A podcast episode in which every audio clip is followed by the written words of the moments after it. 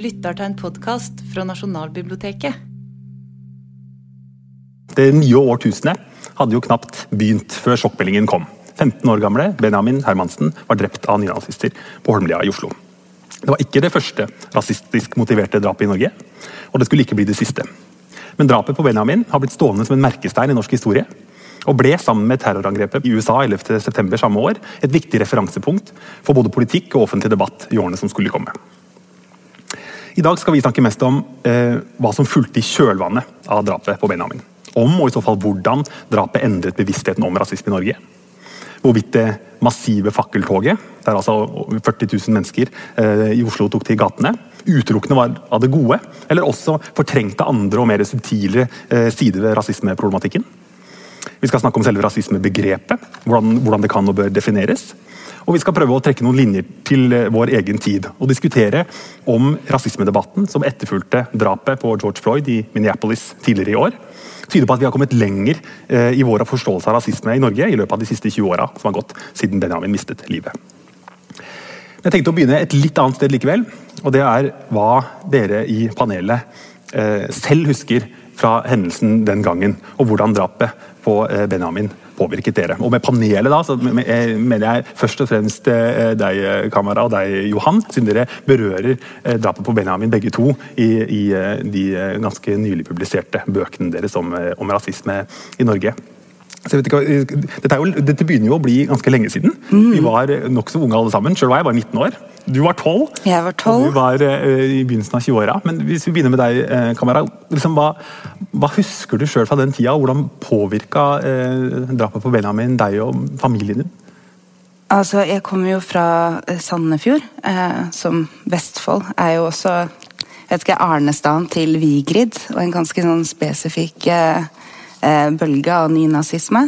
Men det var jo noe som jeg i veldig stor grad hadde vært skjermet for da, frem til jeg var tolv og mamma satte oss ned ved spisebordet, liksom veldig alvorlig, vi tre brune barna, da, eh, for å fortelle oss hva som hadde skjedd. Mm. Og for broren min, som var to år eldre enn meg, han var 14 et år yngre enn Benjamin, han hadde veldig mange venner inne i Oslo som var venner av Benjamin og tilknytta liksom, Agenda X og Antirasistisk Senter, så for han så ble det jo veldig personlig, men for meg så ble det jo veldig abstrakt. Det var en veldig skummel og lite håndfast ting å skulle forholde seg til som en tolvåring i det øyeblikket. Så dro vi på skolen, hadde ett minutt sånn stillhet ved pulten. Jeg var den eneste brune eleven i klasserommet, så det var veldig mange sånne blikk. Eh, men fortsatt veldig eh, lite konkret. Men så dro vi inn eh, det hadde seg at vi faktisk skulle på Eminem-konsert samme dagen som det var fakkeltog for Benjamin i Oslo. Så vi i familien gikk først i fakkeltog, og så gikk vi på Eminem-konsert i Oslo Spektrum. Og Eminem starta også konserten sin ved å be om ett minutts stillhet for Benjamin.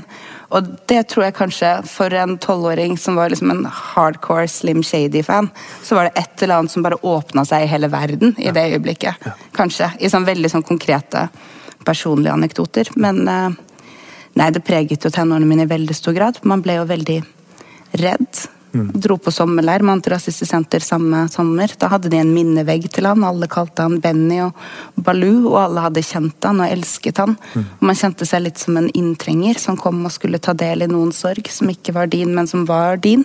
Mm. Så i hvert fall noe som har vært med på veldig formativt for meg da, som mm. medborger i Norge. Mm. Eh, som tolvåring.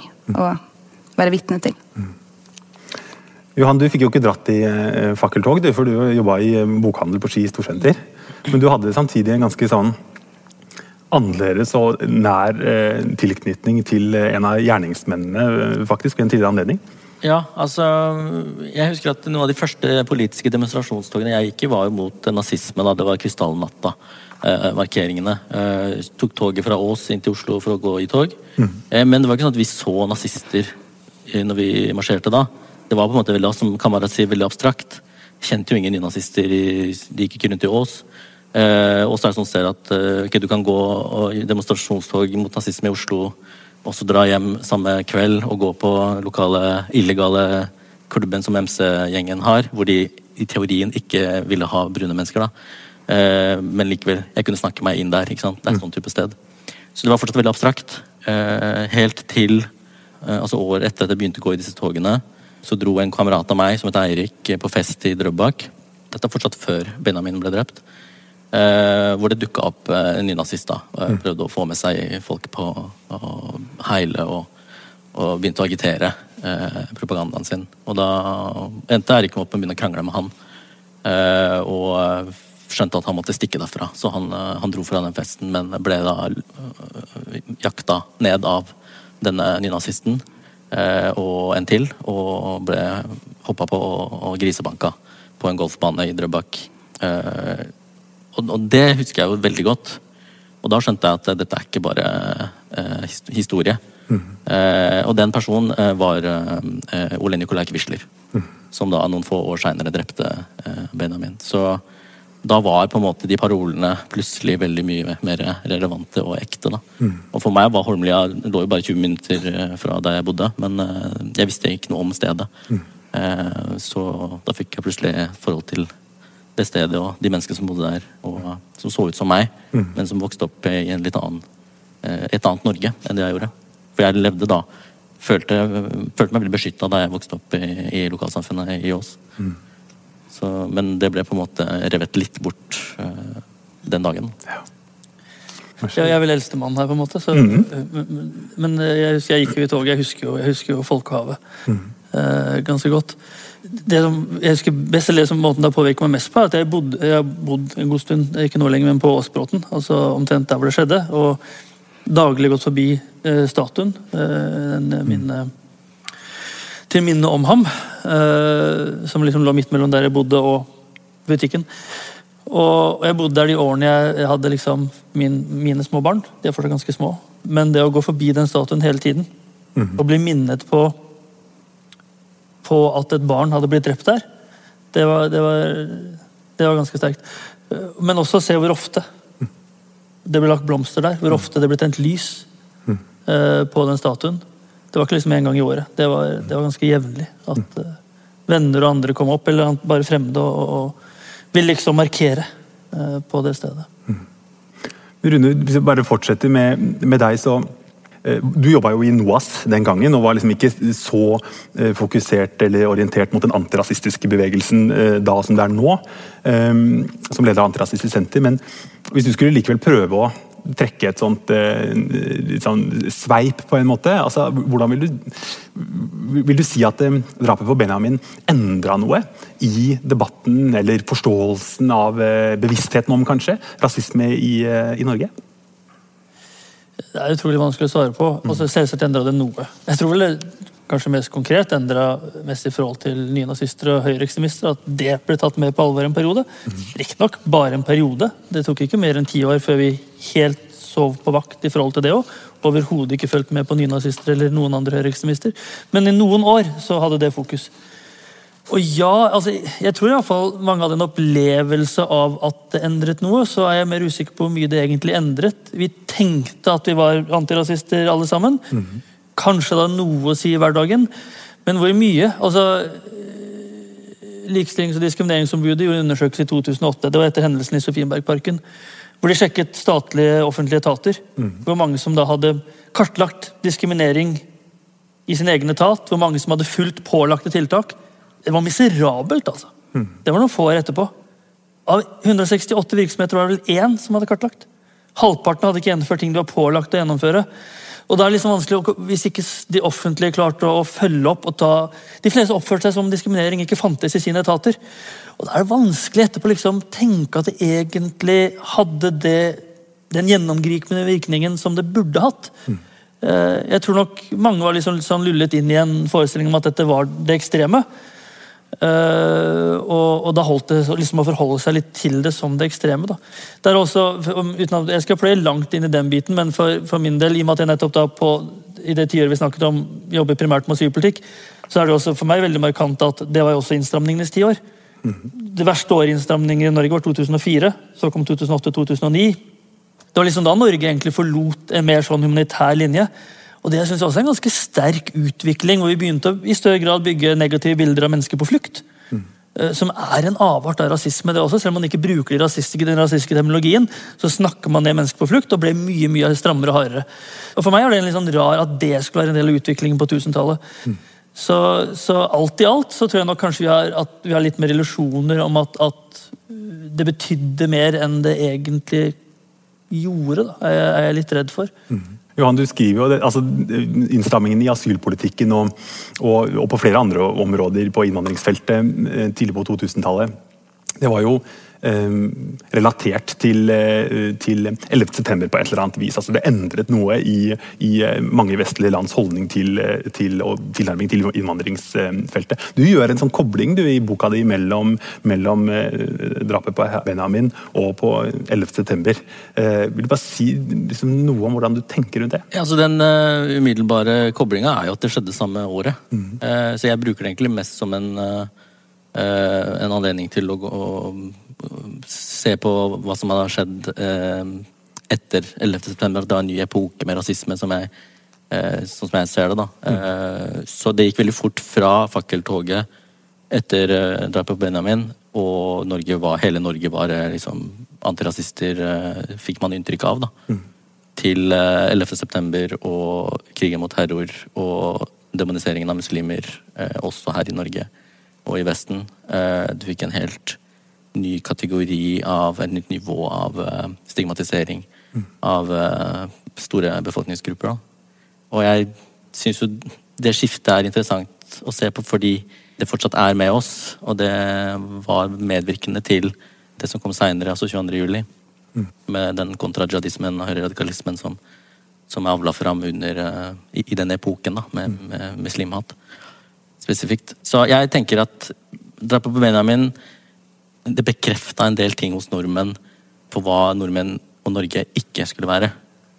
Alle nordmenn kunne se på det som skjedde og si dette er i hvert fall ikke oss. Dette er ikke Norge. Selv de som var mot innvandring. Mm. Selv de som stemte Frp, ville si liksom dette er helt forferdelig. Dette vil vi ikke være med på. Mm. Men det sa jo ikke like mye om hva vi skulle være. Eh, hva Norge skulle være, hva nordmenn skulle være, hva det flerkulturelle Norge skulle være.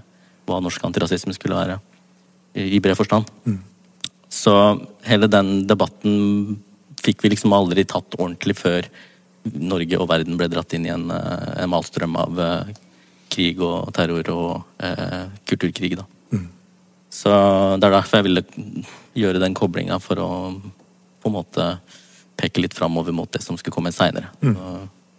Ja. Det er noe interessant i dette med, med eller altså, Sånn som jeg ser det, så, så er det den svære mønstringa det, det, fakkeltoget har en veldig sånn tosidighet i, i, i, når man ser tilbake på det. Så På den ene sida, jeg mener du var tolv år eh, og deltok i, i fakkeltoget. Det må jo ha vært en en, nå skal ikke jeg ta ord, liksom legge ord i munnen på deg, men jeg vil anta at det var en ganske overveldende opplevelse. Altså, enormt folkehav, en enormt engasjement. ikke sant? Mm. Så Det er liksom den ene sida av det. Og ingen skulle vel ønske at, det, at den norske befolkninga reagerte på en noen annen måte enn ved å vise en veldig sterk avsky, og at det engasjerte sterkt. Samtidig så, så, er det mulig å, å anlegge liksom mer kritiske perspektiver også på det. Altså I 2002 så publiserte norske eh, sosialantropologen Marianne Gullestad boka 'Det norske sett med nye øyne'. Og Hun skriver eh, i den boka, jeg har egentlig sitatet her, eh, med referanse til eh, fakkeltoget, at den massive motstanden mot denne ekstreme volden, altså Benjamin, drapet på Benjamin, bidro til å styrke bildet av oss som tolerante og humane. Det er ikke utenkelig at noen av dem som gikk i tog samtidig, og uten å tenke over det, lot være å kalle inn en som het Ali til jobbintervju. Så Hun prøver liksom å, å pirke litt i hva, hva, lå, hva, ligger under det engasjementet, eller hva var det egentlig, hvor dypt er det det egentlig lodder. Litt sånn som du sier da, altså at det, var, det ble en måte å, å, vise en avstand på, men ikke egentlig en definisjon av noe mer eller noe, noe nytt. Um, Kamera, kjøper du den analysen, liksom? Eller ser du, er du enig i at det fakkeltoget eller det engasjementet kan ha en sånn dobbeltside?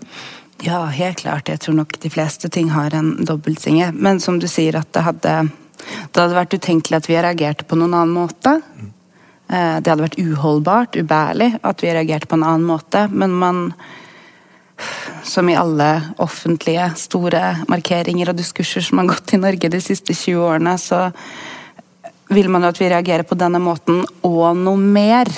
Eh, som Rune også tok opp med statistikken, at det har ikke vi har aldri hatt en, et strukturelt oppgjør.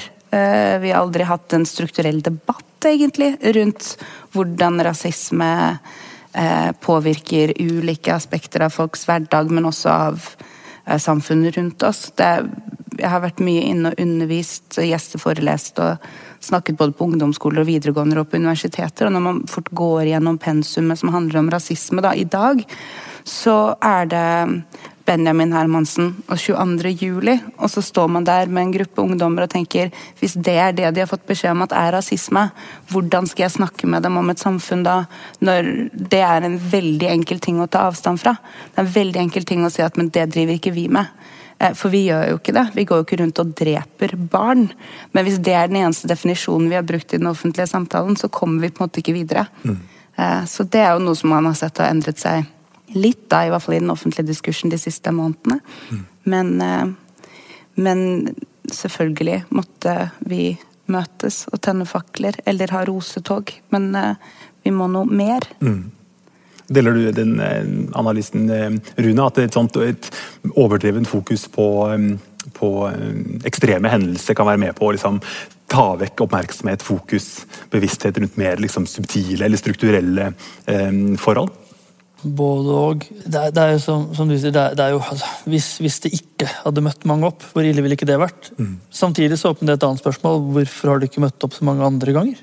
Det er ett år siden vi hadde et rasistisk drap i Norge, og det møtte ikke opp så mange da. Så hva har skjedd med oss der? Har vi blitt numne i forhold til terror på en eller annen måte, og i forhold til rasisme? Vi hadde altså en brutal rasistisk henrettelse i august i fjor, og det var ikke noen massive demonstrasjoner.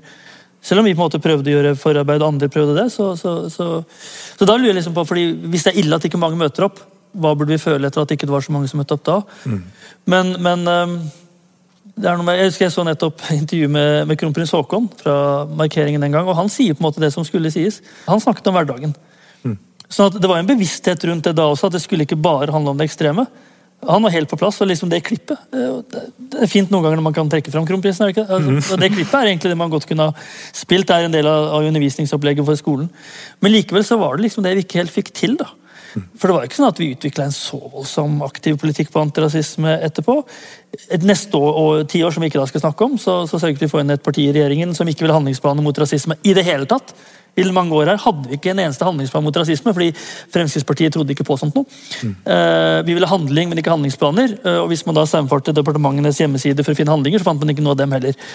Så jeg har en tendens til å være litt, kanskje litt pessimistisk. For, altså, mye går litt framover i Norge på, i forhold til holdninger, men, men, ikke helt. Og i forhold til hvem som på en måte var, gikk i toget. Altså Mange gikk nok i toget med gode intensjoner og gode verdier, men mange gikk nok videre og diskriminerte. Og mange, utvilsomt av de som gikk i det toget, gikk videre og sørget for at de strammet voldsomt inn for mennesker på flukt, for folk som skulle komme på familiegjenforening, for innvandrere.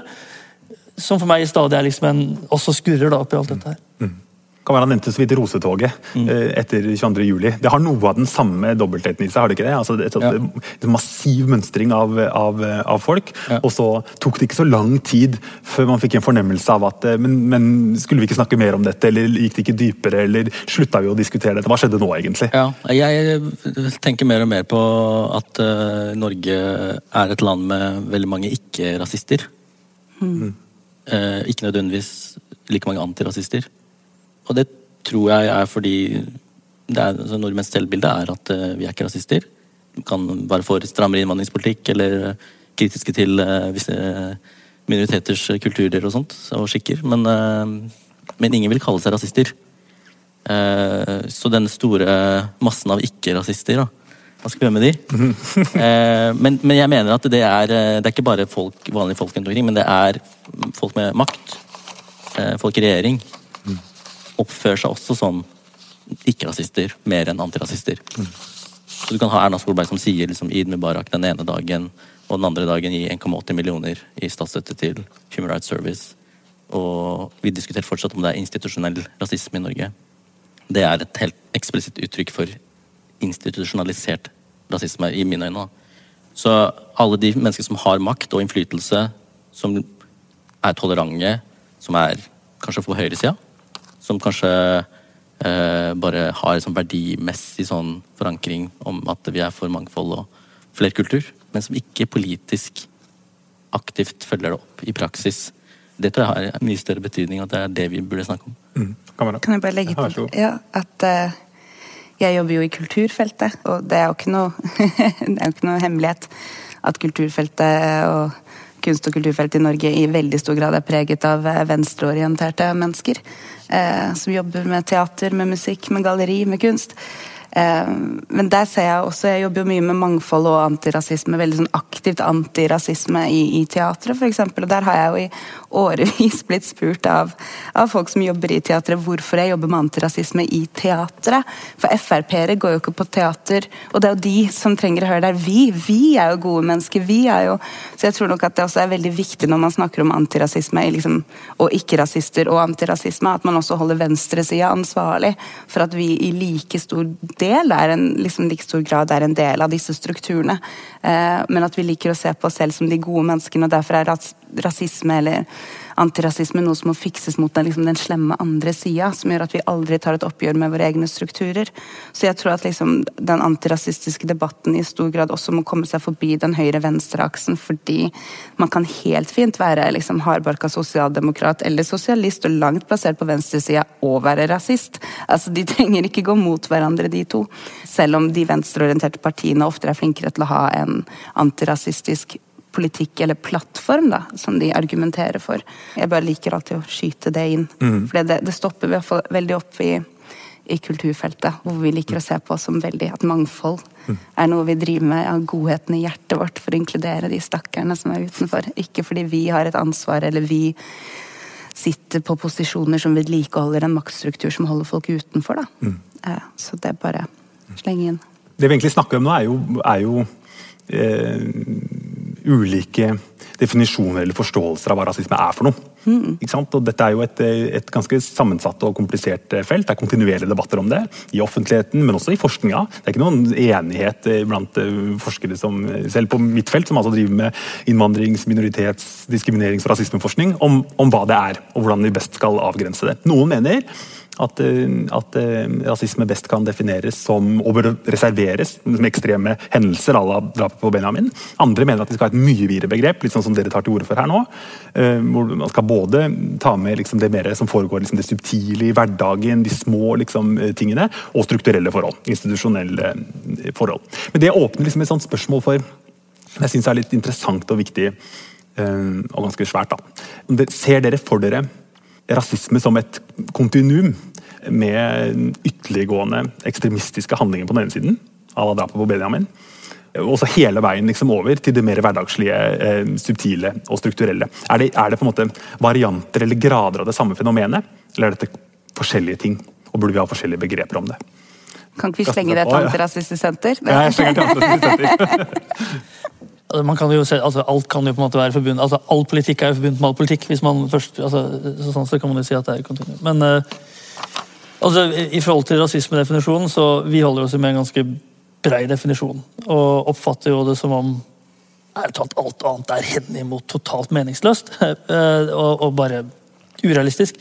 Og Det jeg ofte bruker som eksempel, er, er antisemittismen. Fordi den er så tydelig sammensatt. Man er vant til å tenke på kanskje antisemittismen som biologisk, fordi liksom under nazitiden så var den helt klart biologisk.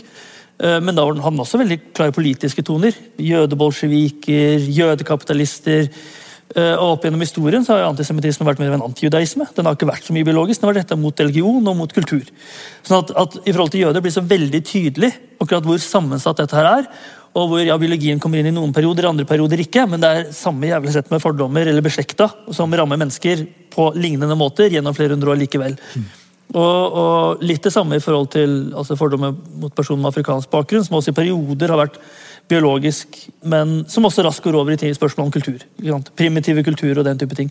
Så Disse tingene har alltid vært nært beslekta. Eh, og det å skille ut ideen om at rasisme bare er de biologiske, oppfatter rett og som helt urealistisk. Det har vel nesten ikke eksistert en tid hvor rasismen var rent biologisk og ingenting annet. Rasismen er som oftest et, et, vil jeg tenke, et konglomerat av ulike former for fordommer, som varierer litt, tilpasser seg ulike tider. Hva slags fordommer er det mer kurant å ha nå? ikke sant? Og uh, Hva slags fiendebilder slipper man bedre unna med? Hvor kan man gå lenger? Uh, det gjør det vanskeligere også å definere, og det gjør det vanskelig å holde fast hva som er det ikke er det, men jeg oppfatter alt annet som, som uh, ganske urealistisk. Mm. Spesielt i vår tid, hvor altså, side om side med de alle former for rasisme som på en måte har eksistert hele tiden. ikke sant? Fiendebildet av muslimer som helt klart har rasistiske eh, trekk, og, og, men som, i, som, på overflaten er lite rettet mot biologi eller utseende. Mm. Som reelt sett også handler en del om det. Mm. La meg bare skyte tilbake med, med, en, med en, replikk. Altså. At, sånn som jeg ser det, så er det, er det liksom to fallgruver i dette feltet. egentlig. På den ene sida tror jeg det er opplagt sånn at, at hvis man reserverer rasismebegrepet til bare det ekstreme eller bare de biologiske, eller, eller noe sånt nå, så har man en for snever definisjon. Da fanger man ikke inn hva som foregår. Samtidig er det jo mange som tar til orde for en, en, en veldig veldig vid definisjon, hvor man også liksom ikke bare handler om liksom, ting som er eh, fordommer mot grupper, eller sånt, men helt ubevisste strukturer, ting som foregår i samfunnet. Hvor det kan være ganske vanskelig dels å avgrense det overhodet, dels å liksom eh, sette fingeren på det. og som jeg innbiller meg, eller en, jeg tror det er en fare for at man øh, kanskje kan skape noe avmaktsfølelse. Altså, det er ikke noe å gjøre med det. Alle er vi sausa inn i det uansett. på en måte. Vi står bare her, og hva skal, hva skal vi drive antirasistisk rasistisk kamp for, på en måte, hvis, hvis, vi alle er rasister uansett og vi ikke kommer noe videre. Nå setter jeg det på spissen, men, mm. men det er liksom noe med, noe med at, at, her er det et, et um, er det, er, skal vi være helt der ute, eller skal man liksom hente seg litt innom og, og, likevel være mer, noe mer konkret? Man ser jo det i, i, i hvert fall i debatten som har kjørt nå det siste halve året, som på mange måter har vært både oppløftende og skuffende i mediebildet, mm. så ser man jo hvordan da sitater blir liksom løsrevet og brukt for å liksom lage en sånn fremmedgjøring i, i diskusjonen om rasisme. altså Guro Sibeko har jo vært veldig eh, offentlig og veldig tydelig. Hun snakker om internalisert rasisme, at vi alle har det, at vi alle er en del av den samme strukturen. Eh, vi er alle oppvokst innenfor det samme verdensbildet, så vi sitter alle på disse og har dette i oss. Vi er alle rasister, inkludert meg selv, sier hun. Mm. Og så blir jo det outrert til bare 'vi er alle rasister', til outrert til 'alt er rasisme', mm. til 'hvis alt er rasisme, kan vi ikke ta den diskusjonen seriøst'. Mm. Ergo det fins ikke rasisme. Og så at man ser at man løper sånn i sirkler, da, og man bare, bare jakter sin egen hale. fordi En av hovedproblemer i hvert fall i min karriere rundt det å skulle snakke om rasisme, er det at jeg tror jeg bruker 90% av arbeidstiden min på å snakke om definisjoner mm. og begreper. Er det melaninrik? Er det rasifiert? Kan jeg kalle deg brun eller svart? Vi har ikke lyst til å diskutere N-ordet lenger. Altså Man bruker så mye tid på å diskutere hvordan man snakker om rasisme, hvordan man ikke snakker om rasisme, hva som er konstruktivt og ikke konstruktivt for å skape nye allierte, ikke for oss å skyve folk på seg. At vi bruker skikkelig lite tid på å snakke om rasisme. Altså Hvordan det er å leve med det, hvordan det er å stå i det. Lage liksom levevilkårsundersøkelser. altså Komme liksom til kjernen, da, fordi vi vi bruker Vi snakker oss eh, i hjel på å kaste denne ballen frem og tilbake for å få en eller annen sånn bred definisjonsenighet som vi alle kan møte opp i et fakkeltog for. da. Mm. Ja. Johan, hva, hva, tenker du om dette? Du har, sånn som jeg opplevde, leser boka di, så har du jo eh, noe tvisyn rundt, rundt eh, begrepsbruken her. Jeg har tenkt veldig mye på mm. dette her, og i boka så har jeg valgt å behandle det på en mest mulig ærlig måte å snakke om de tingene jeg kan noe om, da, og det er min umiddelbare familie hvor eh, min mor, som er fra Japan, og min far, som er fra Sri Lanka, eh, ikke fikk lov å gifte seg fordi deres foreldre var imot. Eh, av, fordi de var fulle av fordommer mot utlendinger. Mm. Og særlig da på min mors side, da, at han var en brun mann fra et fattig land, underutvikla land i deres øyne, da, Sri Lanka. Så grunnen til at jeg ville gjøre det, var at det, nettopp fordi det handler om mine besteforeldre, mm.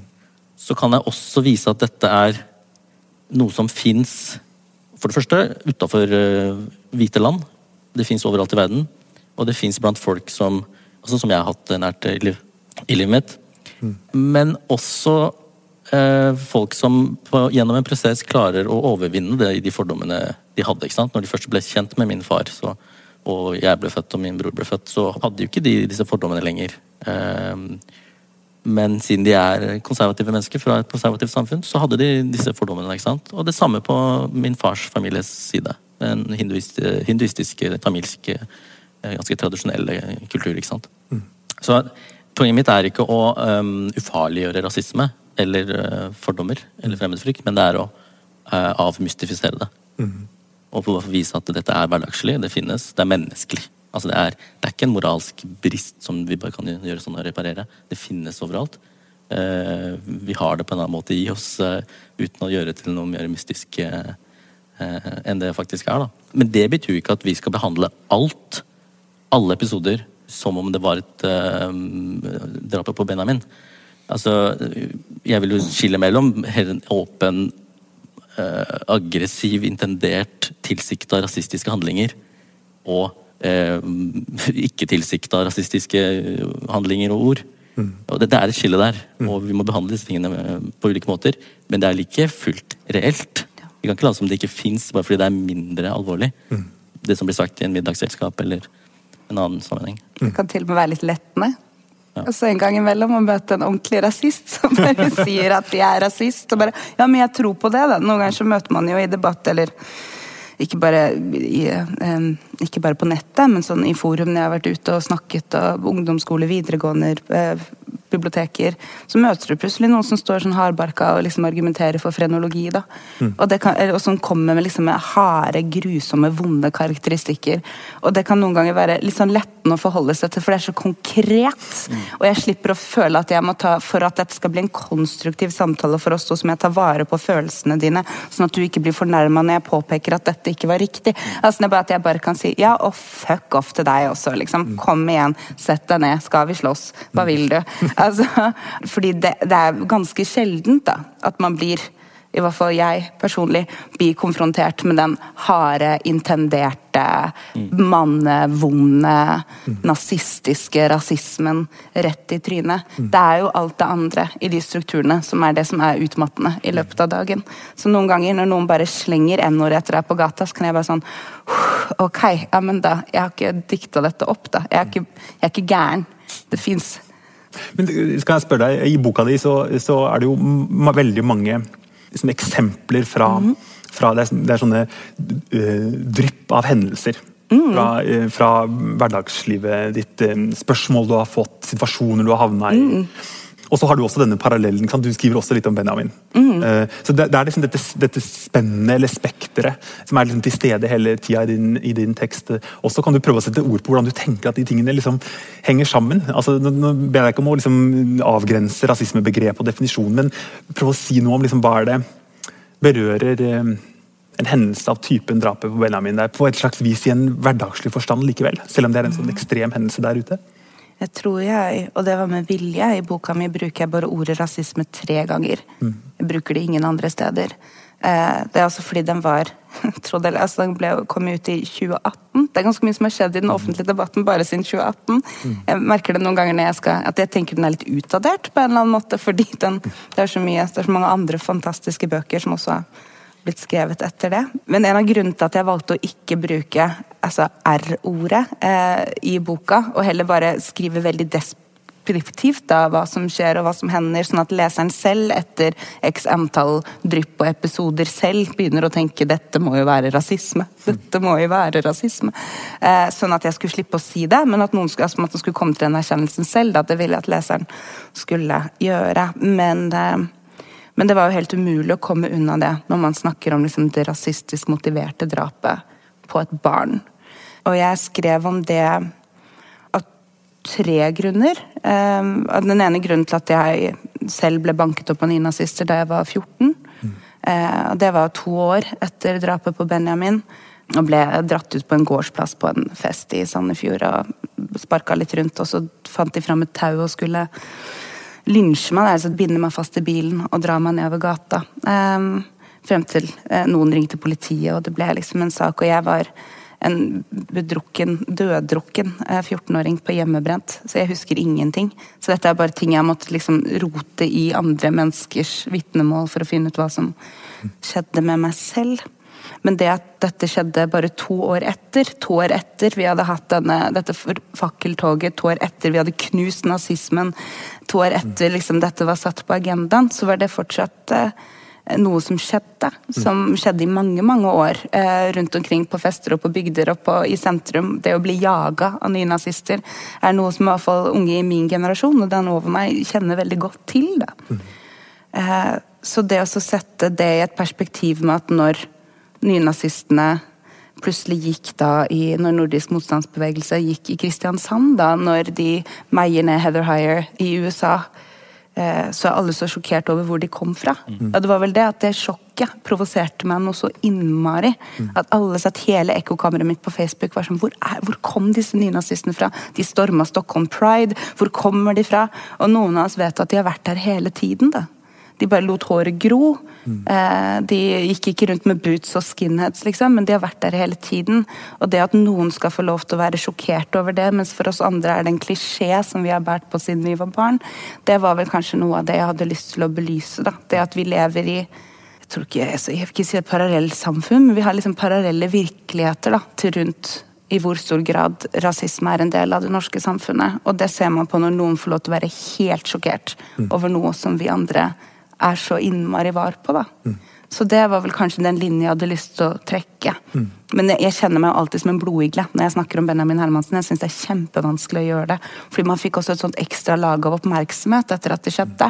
At alle trodde du var i familie med han fordi dere lignet litt, eller vi så bildet av han i avisa og kjenner han bro... Altså, akkurat som at man kunne få Man fikk en form for sånn popularitet av å være assosiert med, samtidig som man liksom igla seg på den noen andre sin personlige sorg, da, private, ved å gjøre den samfunn... Det var veldig vanskelig, så Men det var i hvert fall verdt det for meg, da, å prøve å igle meg, eller bearbeide min egen blodiglefølelse av å snakke om at det, det har skjedd noe de siste 20 årene som vi ikke som vi ikke har hatt lyst til å vedkjenne oss. Men nå, nå folkens, er det faen meg på tide.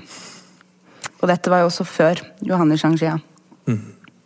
Johan, du, tenker du også at den eh, fortellingen din om han eh, kompisen din eh, som ble jaga og banka Det at du forteller den historien og trekker inn det, kan du relatere? Er det liksom noe av den samme funksjonen du ønska å, å få fram i, i, i fortellinga di?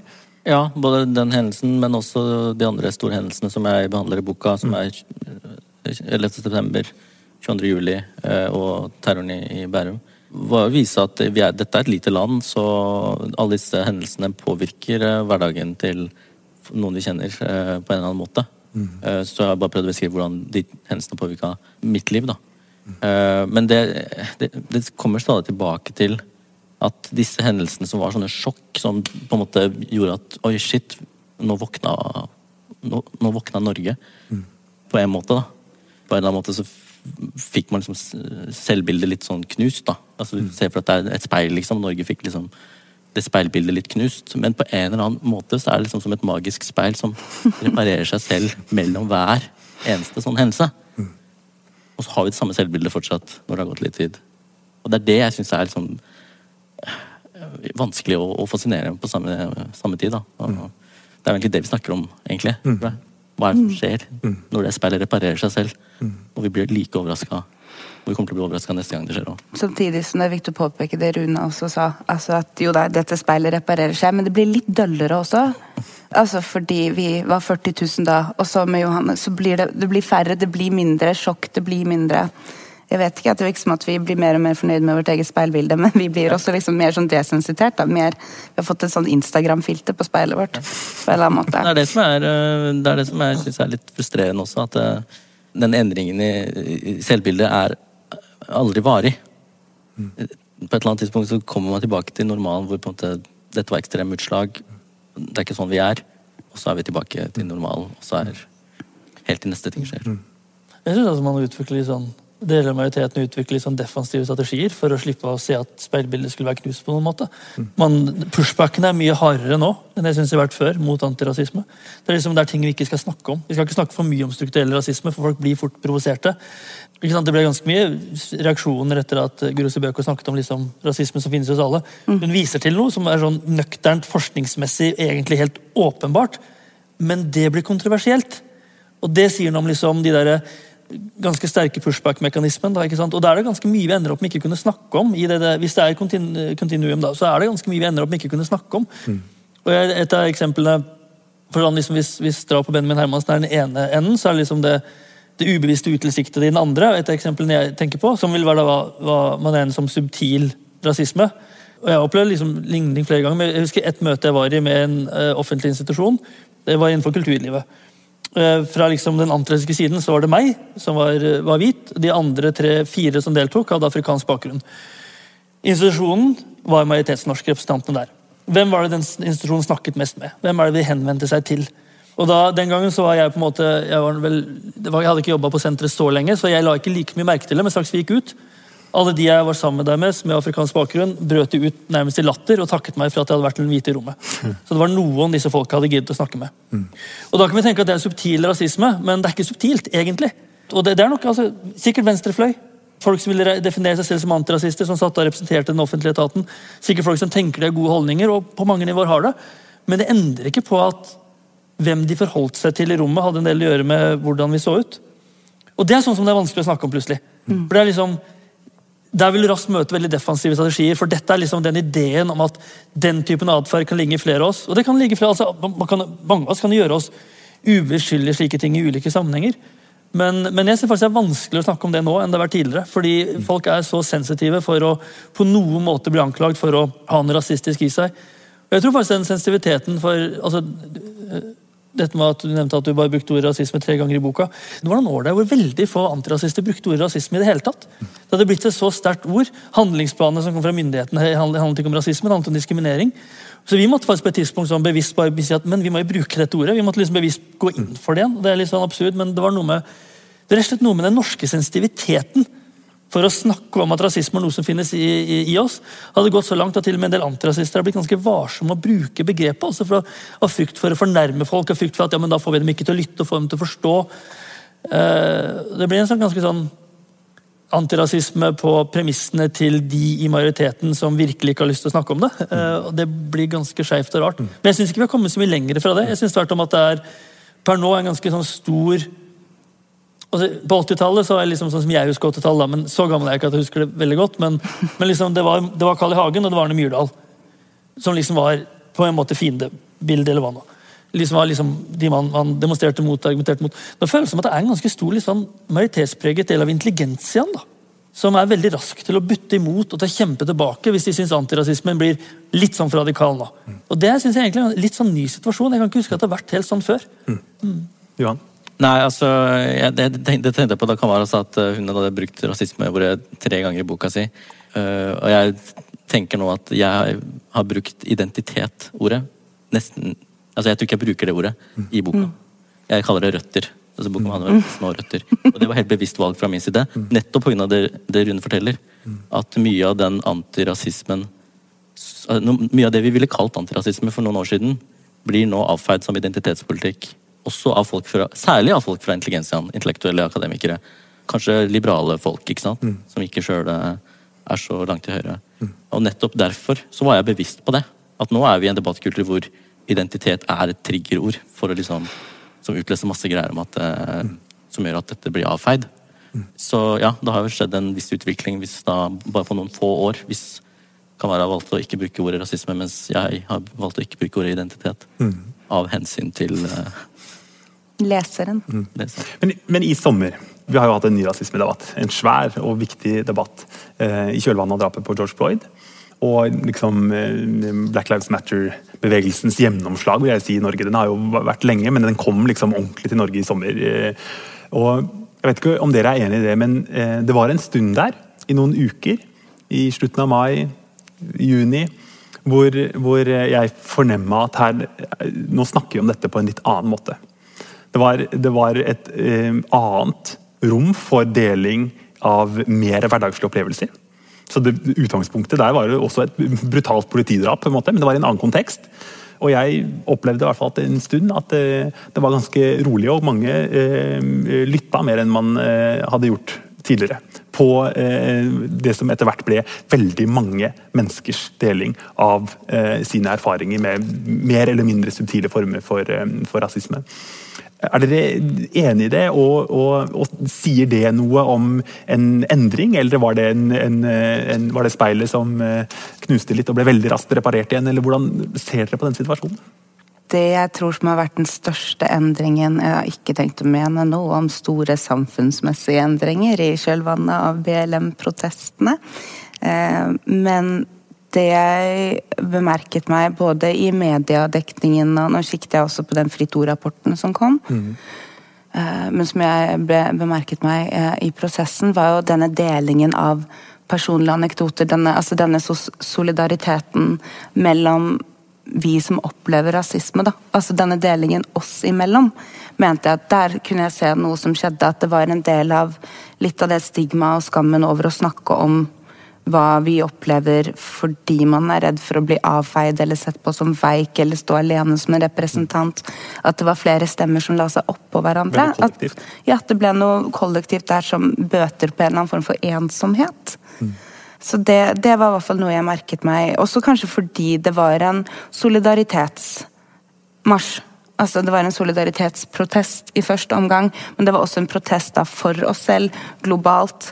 Eh, men det var ikke, som drapet på Benjamin Hermansen, eh, noe man følte at man liksom igjen denne blodiglefølelsen, at du kupper noe som har vært grusomt mot noen andre. At, det, at man fikk lov til å Fordi Rasisme blir også veldig ofte, i, spesielt da, i norsk kontekst, avfeid som noe importert. Nå, dette er en importert debatt, dette er en konstruert importert, nå henter dere noe fra USA. Så det ble desto viktigere å sette søkelys på at dette skjer her, dette skjer med oss, dette gjør du, dette er du en del av, dette er vi alle en del av. Og sette det inn i en norsk kontekst. Eh, og det ble jeg jo på den ene måten overlykkelig over, og så ble jeg sånn skikkelig provosert over det også, at vi fortsatt er nødt til å reduseres til denne retraumatiseringen av egenopplevde anekdoter, fordi forskningen er ikke på plass. Vi kan ikke slå i bordet med tallene, fordi det har ikke blitt prioritert.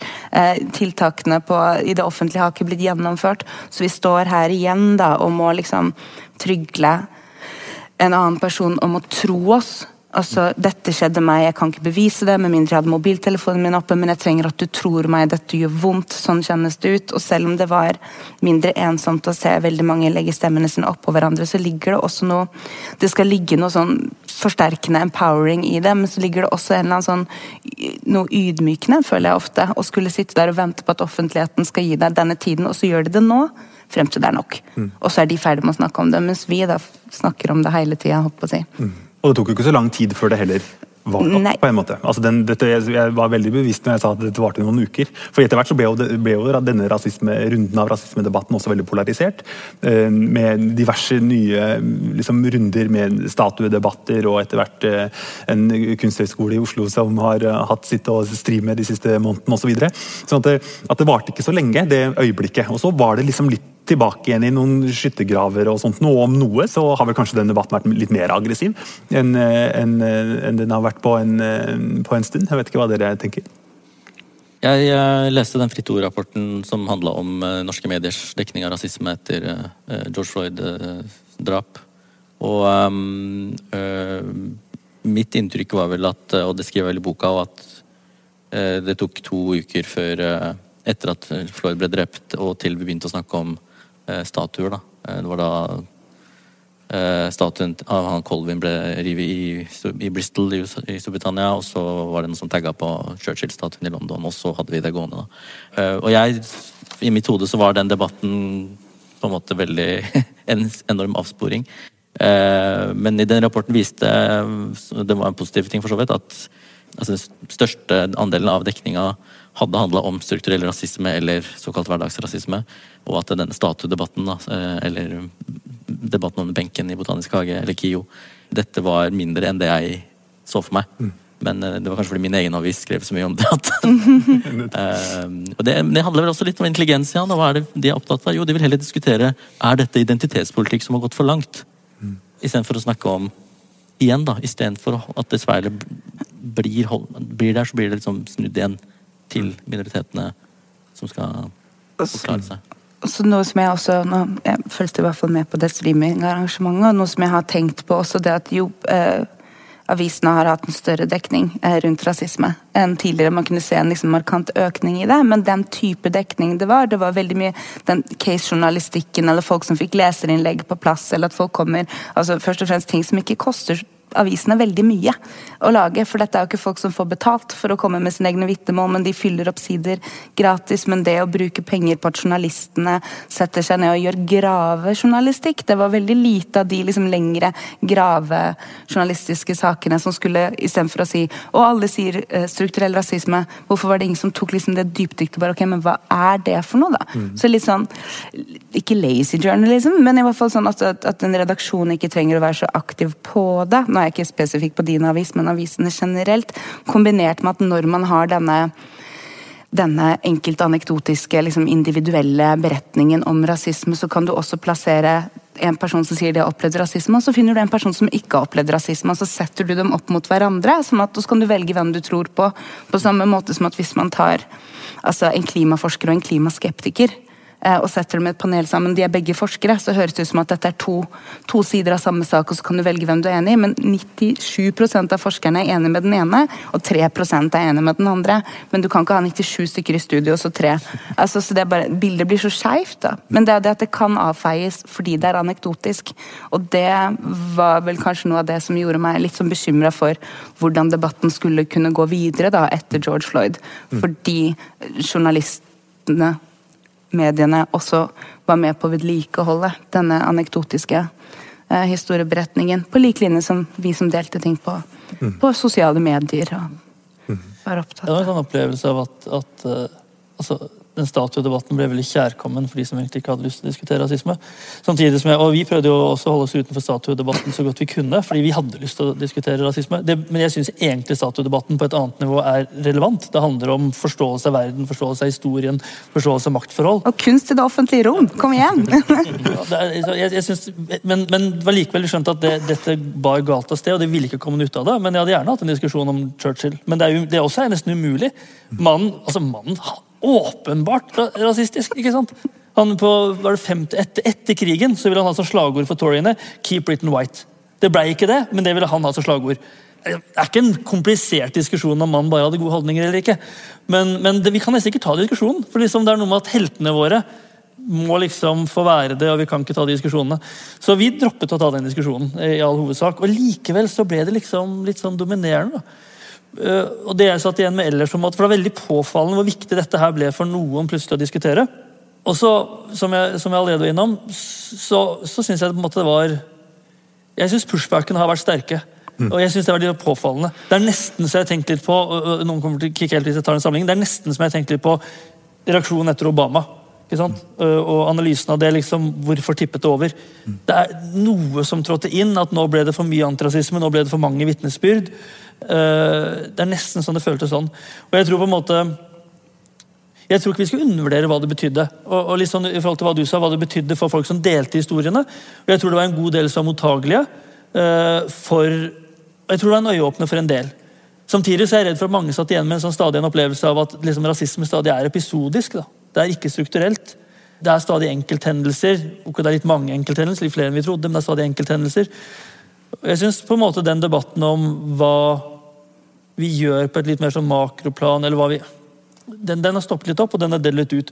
Og jeg, jeg synes på en måte det, det, som skjedde rundt KIO, uten å gå veldig detalj rundt det, var for meg litt symptomatisk. Og det er sånn at Jeg er nesten redd for å nevne overfor folk på venstresiden at vet hva, jeg er ikke helt sikker på om den kom helt godt og riktig ut. For Hvis du faktisk snakker med KIO-studentene, så er det ganske konkrete ting de er opptatt av. Grunnen til at de vil ha BIPOC-representasjon, og så steiler alle, fordi da bruker man et amerikansk uttrykk. Og det må ikke vi gjøre i Norge! Vi er jo ikke amerikaniserte, vi bruker ikke amerikanske uttrykk, ser ikke amerikanske filmer. Dette feltet fall, så skal vi iallfall ikke bruke amerikanske uttrykk. Det er, det da mulig at de faktisk sier dette, at de, at de, ønsker representasjon fordi den er så ufattelig dårlig, den representasjonen, og fordi det har noe å si for hvordan pensum ser ut? Men plutselig så oppfattes da det liksom, egentlig en diskusjon om altså Arne Næss ønsket i sin tid å endre pensum for X-Fill for at det skal være litt mer inkluderende og litt bredere. Nå er det plutselig sånn Å nei, er det noen som mener vi skal gjøre det? Dette blir for radikalt. Jeg tror den, den behandlingen av KIO-studentene Man gikk ganske langt i å stemple dem. da. Uh, det syns jeg var ganske rart. Og også når det kom fra ganske radikalt hold. Som skulle liksom være vant til at noen av oss er mer radikale enn andre. la oss være litt åpne for det likevel. Jeg er redd at det der satte en stopper for ganske mye. Jeg er redd at ganske mange antirasistiske studenter og nå sikter jeg litt, litt noen i Klassekampen. Veldig subtilt. men, uh, men, jeg er like redd for at det blir en sånn stopper for mange andre. Mm. Altså, hvis dette var antirasistiske aktivister møter mm. når de organiserer seg jeg, jeg, er redd at, ja, jeg er redd at det ble en bremsekloss der. at det har vært noen sånne bremseklosser. Men det er, ikke, det er ikke bare det ute i samfunnet, men jeg synes det har vært litt mye av det. Uh, det der, de der pushbackene mot, mm. mot antirasister. Mm. Vi nærmer oss uh, slutten, men la oss bare ta en, en liten runde på hvordan vi kan snakke om disse tinga.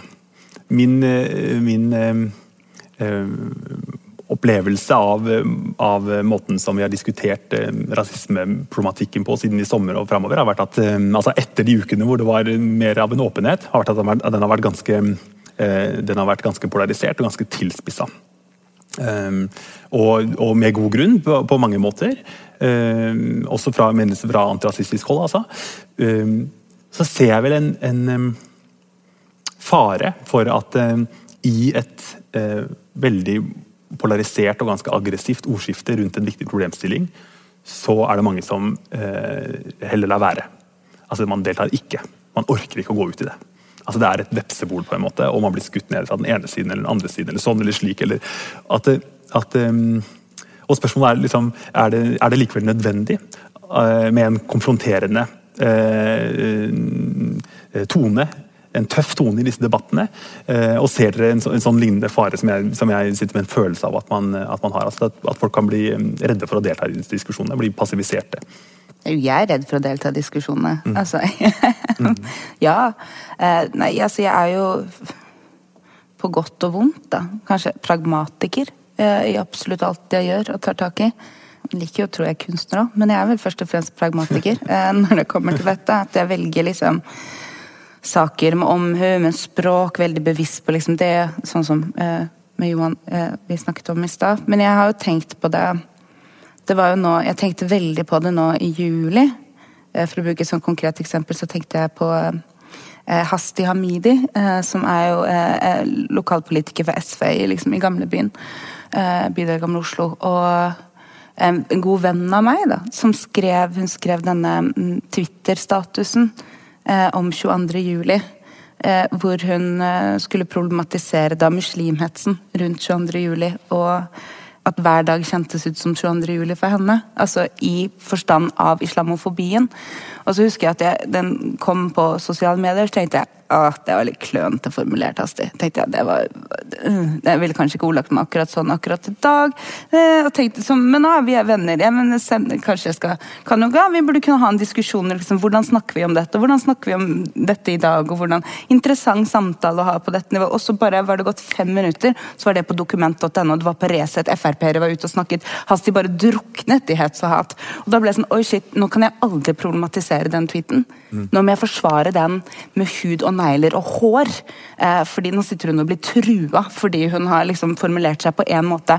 Altså, de, de, frontene eskalerer så fort da, at jeg innså at nok, jeg kan aldri problematisere. eller Kan jeg det? Kan jeg, jeg kan gjøre det med hastig, selvfølgelig. Mm. Men offentlig, hvordan gjør man Nå må man på en måte at disse frontene blir så steile så fort. da.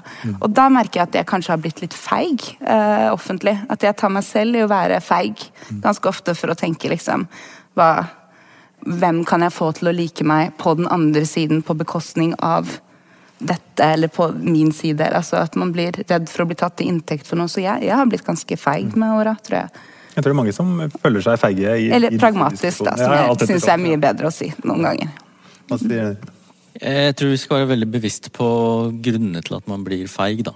Mm. Uh, hvis det er det som skjer. At uh, Grunnene til at man ikke vil gå inn i debatten uh, pga. reaksjonene. Og da må man tenke på hvor reaksjonene kommer fra. fordi jeg har inntrykk av at nå snakker vi veldig mye om aggressive antirasister eh, og en usunn debattkultur som de har. Amerikanske begreper osv.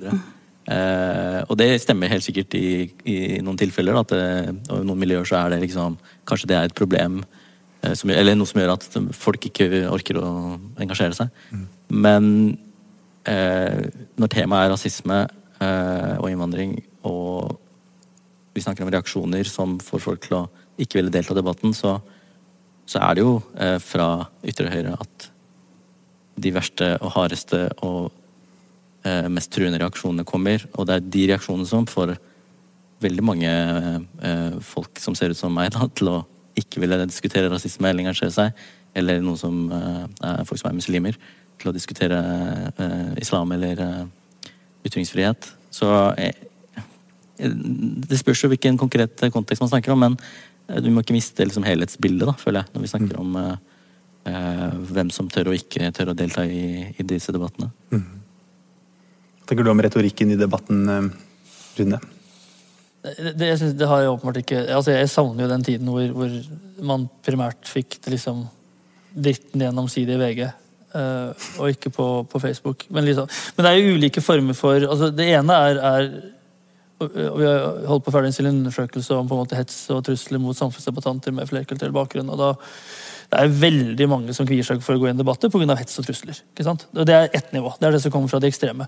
Men så er det det andre som jeg har vært innom. Det er liksom viljen til å latterliggjøre. Hvis, hvis, hvis, en person skriver noe som er litt uheldig formulert, eller et eller annet sånt noe, så er det ganske, ganske voldsom vilje der ute til å liksom prøve å ta antirasister.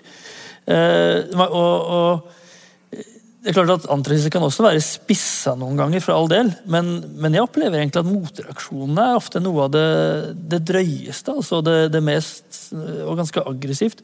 Men det, men det, gjør jo også at man Jeg, jeg ser noen ganger andre antirasister som jeg tenker liksom, jeg synes kanskje formulerer seg litt for spisst noen ganger, og litt for krast. Samtidig vet jeg at de personene opplever så jæklig mye dritt at jeg har ikke lyst til å ta de diskusjonene med dem. Da får de uttrykke seg sånn. Mm. Uh, så det er noe med altså, det er flere ulike prosesser som gjør at ja, det blir polarisert og det blir krevende. Men, men klart at jeg, fra det ståstedet jeg har, så opplever jeg at noe av det som gjør det polarisert, er liksom anti-antirasismen. At ja, antirasister kan formulere seg spissa noen ganger, men vi uttaler oss ofte, ofte, om ganske drøye ting. da. Og blir kanskje litt sånn sjokka over reaksjonen vi får på det, og motviljen mot å forstå. Og en del av saken antirasister kjemper for, er jo det er ting hvor det er vanskelig å ikke være litt spissa. ikke sant? Og, og, og Parnot, hvordan, hvordan, skal du skrive nøkternt om hva som skjer i Libya, for eksempel, ikke sant? Mm. uten å bli spissa? Det blir nesten feil. ikke sant? Når vi har en situasjon hvor på Schengens yttergrense så, så, så, sender vi folk tilbake til Libya aktivt. Selv om vi vet at der vil mange av dem bli utsatt for horrible overgrep. Skal vi liksom være nøkterne og varsomme og være sikre på at ingen blir liksom fornærmet av at vi spisser det litt? Mm. Så til viss grad så må jeg si at altså, rettighetskamp og aktivisme vil noen ganger være polariserende. Uh, så får jeg heller gripe de mulighetene, altså de situasjonene hvor det ikke trenger å være det. Men, uh, men som jeg har sagt før, jeg syns noe av det nye er at, at uh, anti-antirasismen er større og sterkere enn før.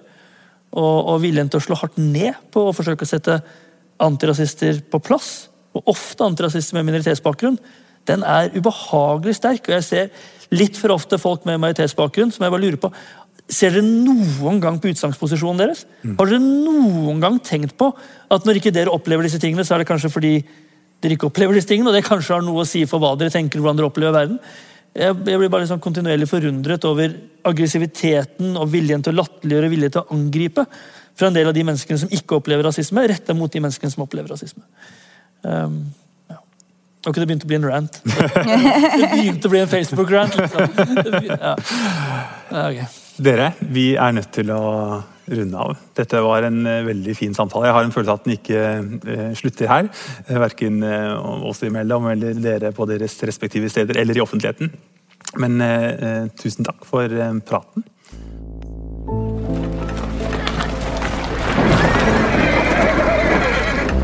Tenk deg at du går på ei folketett gate, så tett at du dulter borti folk. De er sjuke av korona, og kommer du borti feil person, ja, så blir du òg sjuk og kan dø. Sånn var det på 1500-tallet. Ikke fordi det fantes korona, men da trodde en på trolldom.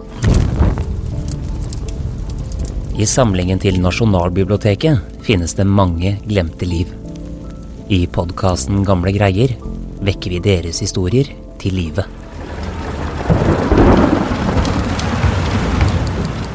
Dette er en historie om hvor langt mennesker kan gå i en nødsituasjon.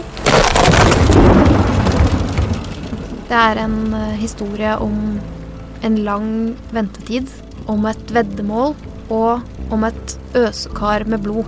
I sesong tre reiser vi tilbake til da frykten for hekser og trollmenn var ekte. Da en mann skulle gjøre Norge til en bilnasjon. Et dramatisk skipsforlis og mye mer. Følg med i podkastdrømmen din. Gamle greier er snart tilbake.